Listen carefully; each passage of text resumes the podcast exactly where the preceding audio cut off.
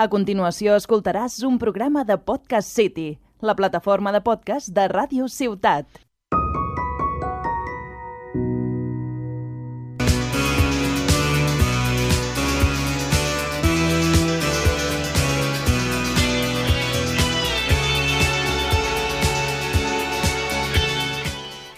Benvinguts a un nou programa del podcast Parlem del Nàstic. Avui parlarem sobre el partit contra l'Atlético Sanluqueño i farem la prèvia pel pròxim partit davant el Linares Club de Futbol.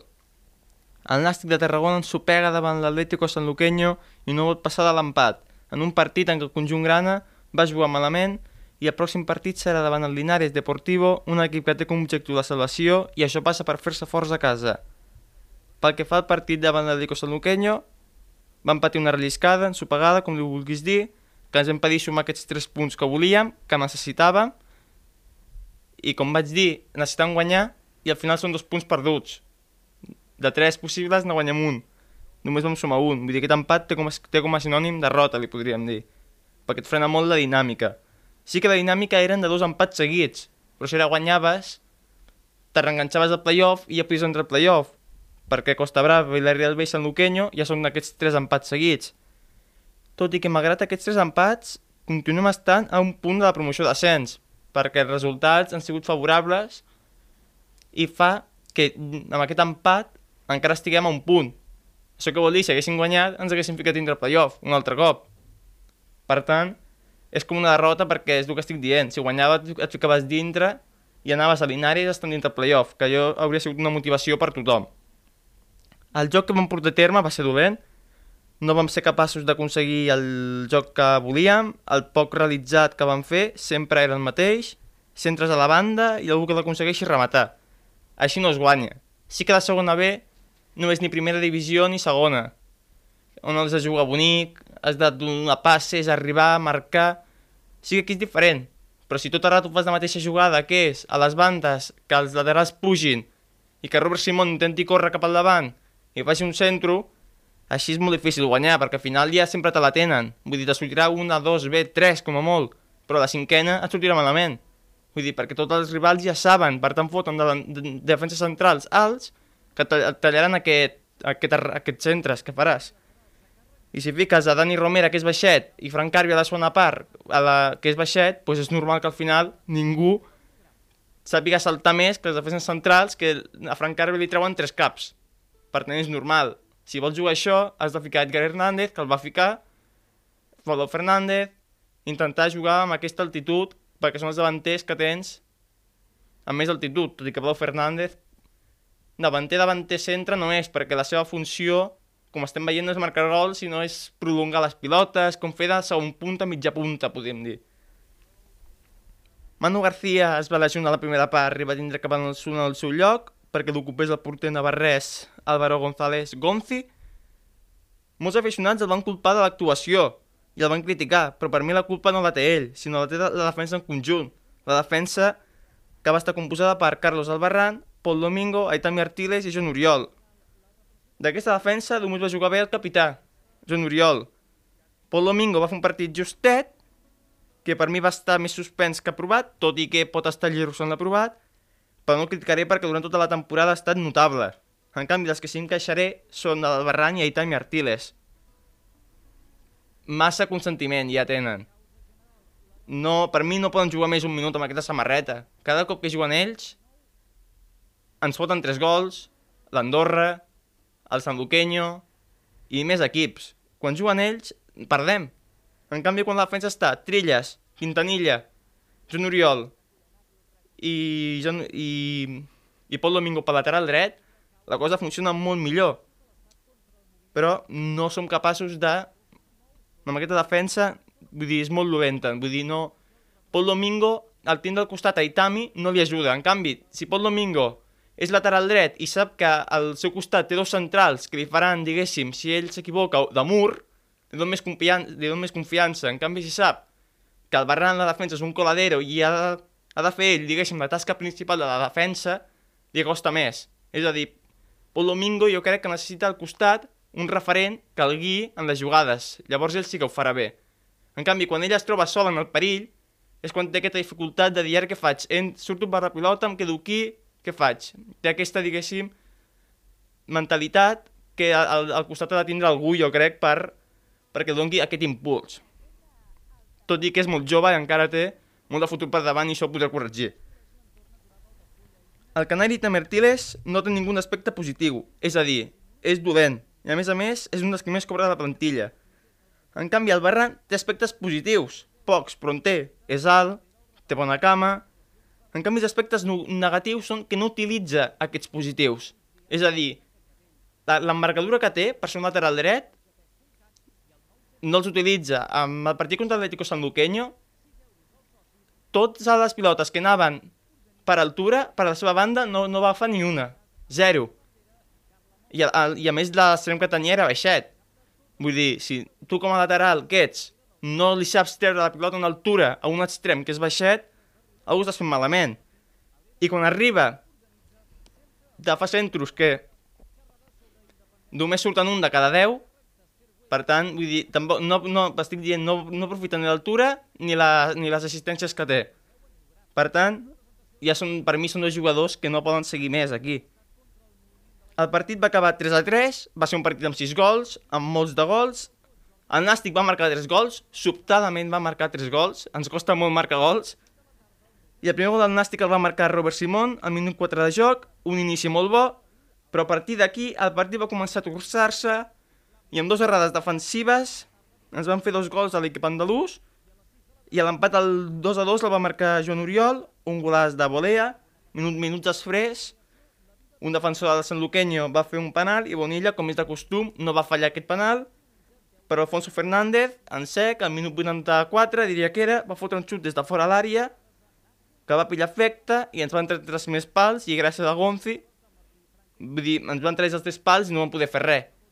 I al minut afegit, gràcies a Gonzi, el porter navarrès, que estic dient, que molta gent va, va estar criticant, no arriba a ser per ell i a partir d'acaba 3-4, perquè ens va salvar una, ens va salvar una que allò és gol, el 90% de les probabilitats.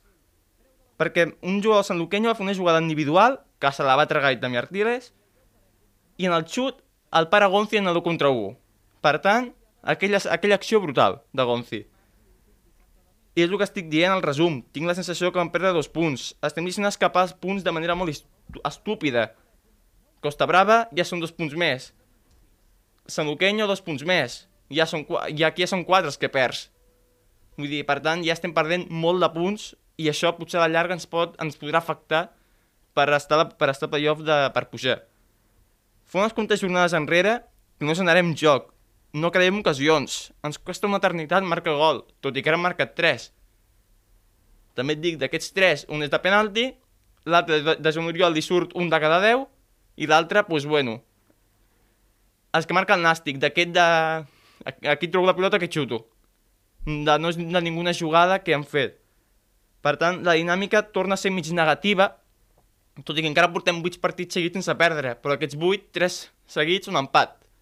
Per tant, és una mica positiu, positiu, no perdem, negatiu, tampoc guanyem.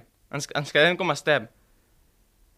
I pel que fa al pròxim partit davant el Linares, serà d'aquest dissabte 2 d'abril a les 5 de la tarda a l'estadi de Linarejos. Ens enfrontem a un equip que el seu objectiu és la salvació, però no ens podem confiar, perquè ja hem vist que amb la Costa Brava i Sant Luqueño són equips que estan allà baix, però si ens, si ens confiem, perdrem. I a més si juguem a fora. Si juguem a fora encara podem perdre de golejada, tot i que sigui un equip de la baixa taula, per tant, com estic dient, no s'hem de confiar, ens enfrontem a un equip que el seu estadi apreta, tot i que no està passant pels seus millors moments. És un equip golejador, però la defensa fa d'equilibri, tot i que té un golaveratge positiu. Té un golaveratge positiu de més 1, perquè ha marcat molts gols. Aquesta temporada s'han enfrontat dues vegades amb ells. A la primera volta de Lliga al nou estadi van guanyar per un resultat de 3 a 1, molt contundents, amb gols de Quintanilla, Paulo Fernández i Frank Carbia. El gol d'ells el va fer Nando Copete als minuts finals del partit.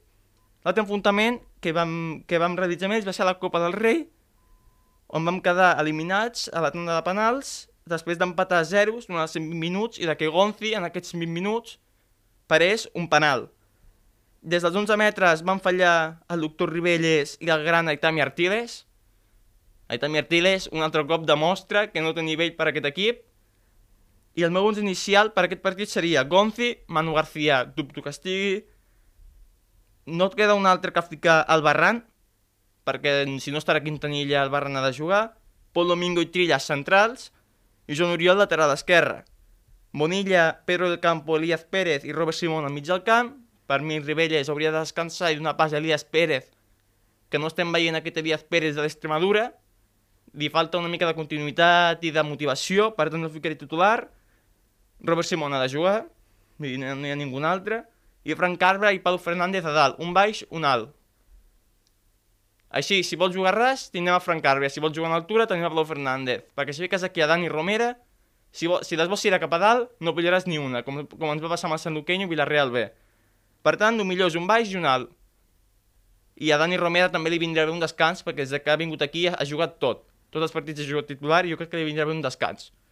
Tot i que també hi ha molta gent que el critica, perquè ha portat un gol. Un gol contra l'Algeciras i un gol contra el Bacete anul·lat.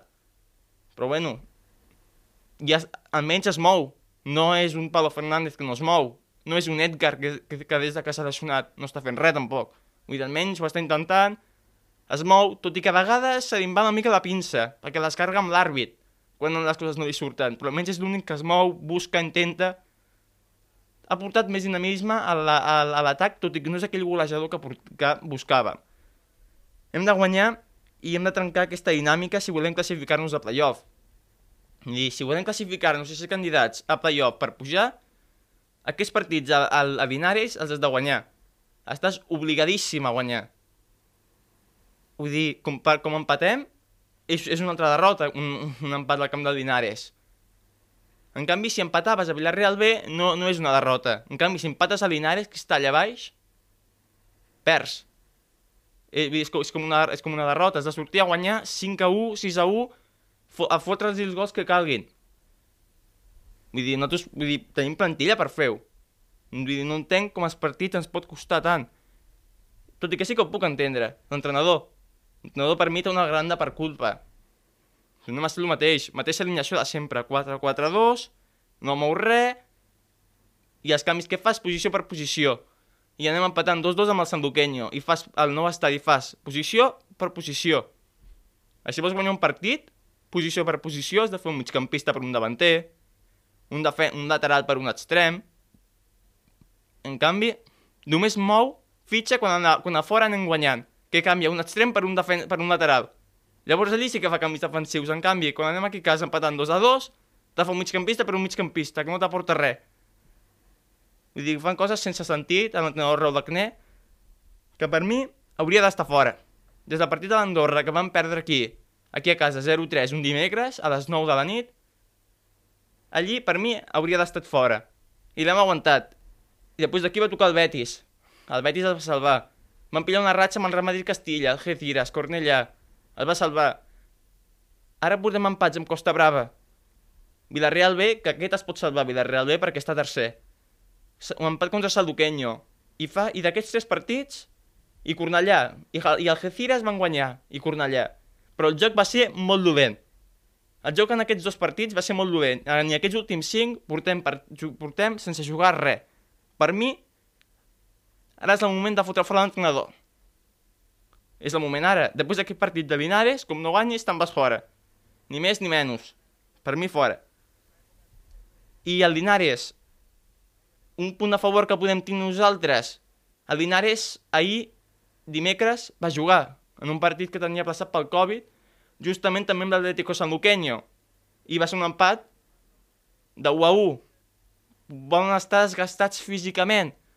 Poden estar, tot i que no hem de confiar en aquest desgast. Perquè ens pot sortir tiro per la culata i perdre.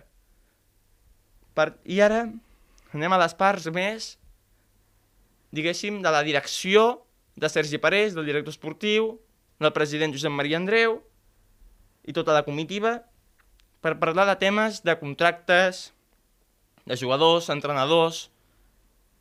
Per mi, com, com he dit abans, la continuïtat de Raúl Agné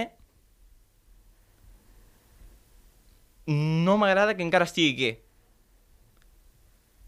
L'únic lloc on ha fet algo gran ha sigut amb el Girona que el va pujar, però a partir de res, en, en, en els equips del que ha estat, Saragossa, Nàstic ara s'està menjant un rosco.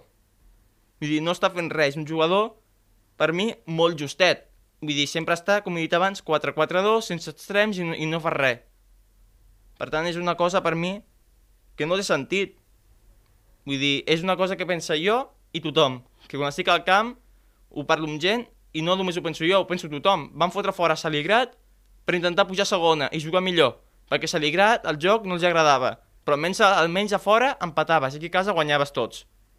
Podies perdre un, que me'n recordo que vam perdre contra l'Ibiza, que allí potser ja va, ja, ja va començar de debacle, però fora almenys asseguraves un empat, tot i que també podies perdre amb l'Ibiza, que no cal recordar aquell partit, però saps que fora lluitaves, i no es cagava, i saps que aquí a casa sempre guanyaves, i si, i si, anaves, i si podies fotre 8, es podies fotre 8, no, no tenies por. Anaves a per totes. En canvi, Macné no anem a per totes. Anem guanyant 1-0 minut 3, com va passar a Baleares, i, i allí et cagues ja. Allí et cagues. I així és impossible guanyar. Però l'Acné posa les pides, perquè si no, com perdis a Linares, i això sí que estarà fotut, eh, com perdem a Linares. I pel que fa al contracte de jugadors, jo crec que aquí la directiva ho ha fet malament, perquè tenim, que jugadors que acaben contracte tenim Aitami Artiles. Aquí estic, estic parlant de 2022, eh, d'aquest estiu. Aitami Artiles, Quintanilla, Joan Oriol, Manu García, Gonzi, Trillas, Ribelles, Frank Carviaz, Karim El Coucha i Edgar Hernández. Un total de 10 jugadors. Acaben. O sigui, tot un 11 inicial, pràcticament. Vull dir, d'aquí, Aitami Artiles se'n pot anar fora. Per mi, eh? Estic dient per mi, Aitami Artiles fora, no cal renovar-lo jo crec que té el sou de la plantilla més alta per venir de segona i està, eh, i està aquí cobrant molt, fora. Quintanilla, jo me'l renovo. Quintanilla ara mateix jo crec que és una peça indiscutible en aquest equip. El capità Joan Oriol el renovo, tot i que serà molt difícil que es quedi. Joan Oriol com Quintanilla serà molt difícil que es quedin. Si no pugem a segona, si pugem a segona es, queda, es queden segur, que ho han dit. Però si no pugem a segona, dubto molt que es quedi. Manu García, jo me'l quedava un any més. Fins al 2023 Manu García jo crec que em podria rendir. Tot i que una, una altra cosa és, si no pugem, que ell es vulgui quedar. Gonzi, jo me'l quedava, Gonzi. És el, és el porter futur del Nàstic per mi. Trilles, me'l quedava. Ribelles, si se'n va no passa res, si es queda tampoc passa res. Vull dir, és un d'aquells jugadors que no ploraria per la seva sortida, però tampoc me n'alegraria. Per tant, que ell decideixi. Frank Carbria me'l quedo, Karim El Coucha el cedeixo, és a dir, el renovo, però cedeixo a un equip com Òscar Zans, que ho està fent molt bé a l'Ebro, i Pol Prats, que ho està fent molt bé al Huesca B, i mira, al final s'han anat. Tot i que Òscar Zans torna, i jo per la següent temporada Òscar Zans me'l quedo, sense ningú tipus de dubte. I Edgar Hernández, malauradament, per mi, no és aquell Edgar Hernández que vam veure a Sabadell, que vam veure al Peus Deportiu, per mi Garena ja, ja no és aquell jugador. Per tant, jo també fora. I ara és un, el Barran té contracte en 2023, més val fotre'l fora ara o intentar buscar una sortida ara que almenys veurem un, un benefici econòmic que no que se'n vagi gratis, almenys. Ja, ja, ja que ens ha costat alguna cosa, almenys, que el podem guanyar alguna cosa. I després, el 2023 també acaba contracte Pol Domingo. Pol Domingo l'hem de, de, de renovar ja Vull dir, és una obligació renovar-lo. Si vol que cada soci fica un euro per la seva renovació, és un jugador que l'hem de renovar. I a més l'hem de renovar per bastants anys. Vull dir, Pol Domingo és un jugador que com els, com els el treguin, allò sí que ja pot ser una debacle com va passar amb Roger Bruguer. Roger Bruguer és un jugador molt bo, però què passa si doncs un KitKat, un Oreo i, una, i, i, i unes galetes dinosaurios és normal que diguin que no. En canvi, si et un Levante que, que, que t'ofereixes allí un, un, diguéssim, economia de la bona, podem dir diners, un salari bo, s'anirà allí. En canvi, si, si tu li dones quatre peles, és, és normal que al final no, no, vull dir, no vingui, vull dir, no renovi, vull dir. Per tant, Pol Domingo és un jugador que s'ha de renovar i s'ha de dir, un, si tu te'n vas, has de deixar una clàusula de rescisió de tals milions. I a més l'has de renovar fins a 2026-27, saps? Que saps que Aquí té anys, té anys continuïtat i si vols que marxi, que paguin la causa de rescisió. Perquè serem tan, en per una paraula, inútils que esperarem a fer-ho a 2022 a l'hivern, en el qual ja vindrà potser un Levante, un Zaragoza o un equip darrere de segona bonet, i ja, ja, ja l'estaré allí tocant a la porta. Pel domingo, sí, te fitxem. Que quan acabes contracte, te fitxem gratis, com van, com van fer Roger Bruguel davant. L'hem d'anar robar ja, sense, ningú- sense ningú tipus de dubte. I Aitami Artiles, fora, per, perquè per mi Aitami Artiles, jo crec que té un contracte d'aquests que, com tu vens a segona i et creus, et creus que és bo, que ets bo, has, has de jugar per decret. I el contracte jo crec que deu tindre, si no juga a tal partits, li hem de pagar, un, li hem de pagar una prima, de, de, de, de, de no sé quan. Que va fora, Itami, fora. Prefereixo pagar un milió més que no jugar. Vull dir, pre- prefereixo pagar un milió més i, i, que- i que tu no estiguis. Prefereixo fotre un de la Pola o un juvenil abans que tu. Vull dir, aquesta pinta de xulo que portes de posar els partits, que vas allí amb les ulleres de sol, amb la maleta, els partits de fora, com si fossis aquí un, un Leo Messi de primera, ja, nom- nom- només te falta el mate ja. Fora, i també Artiles. Vés-te'n a les Palmes, vés-te'n a les Canàries, vés-te'n on vulguis, però jo aquí no vull més. I aquí és tot. Fins al podcast d'avui. Gràcies per escoltar-nos un dia més. Aquí al podcast Parlem del Nàstic.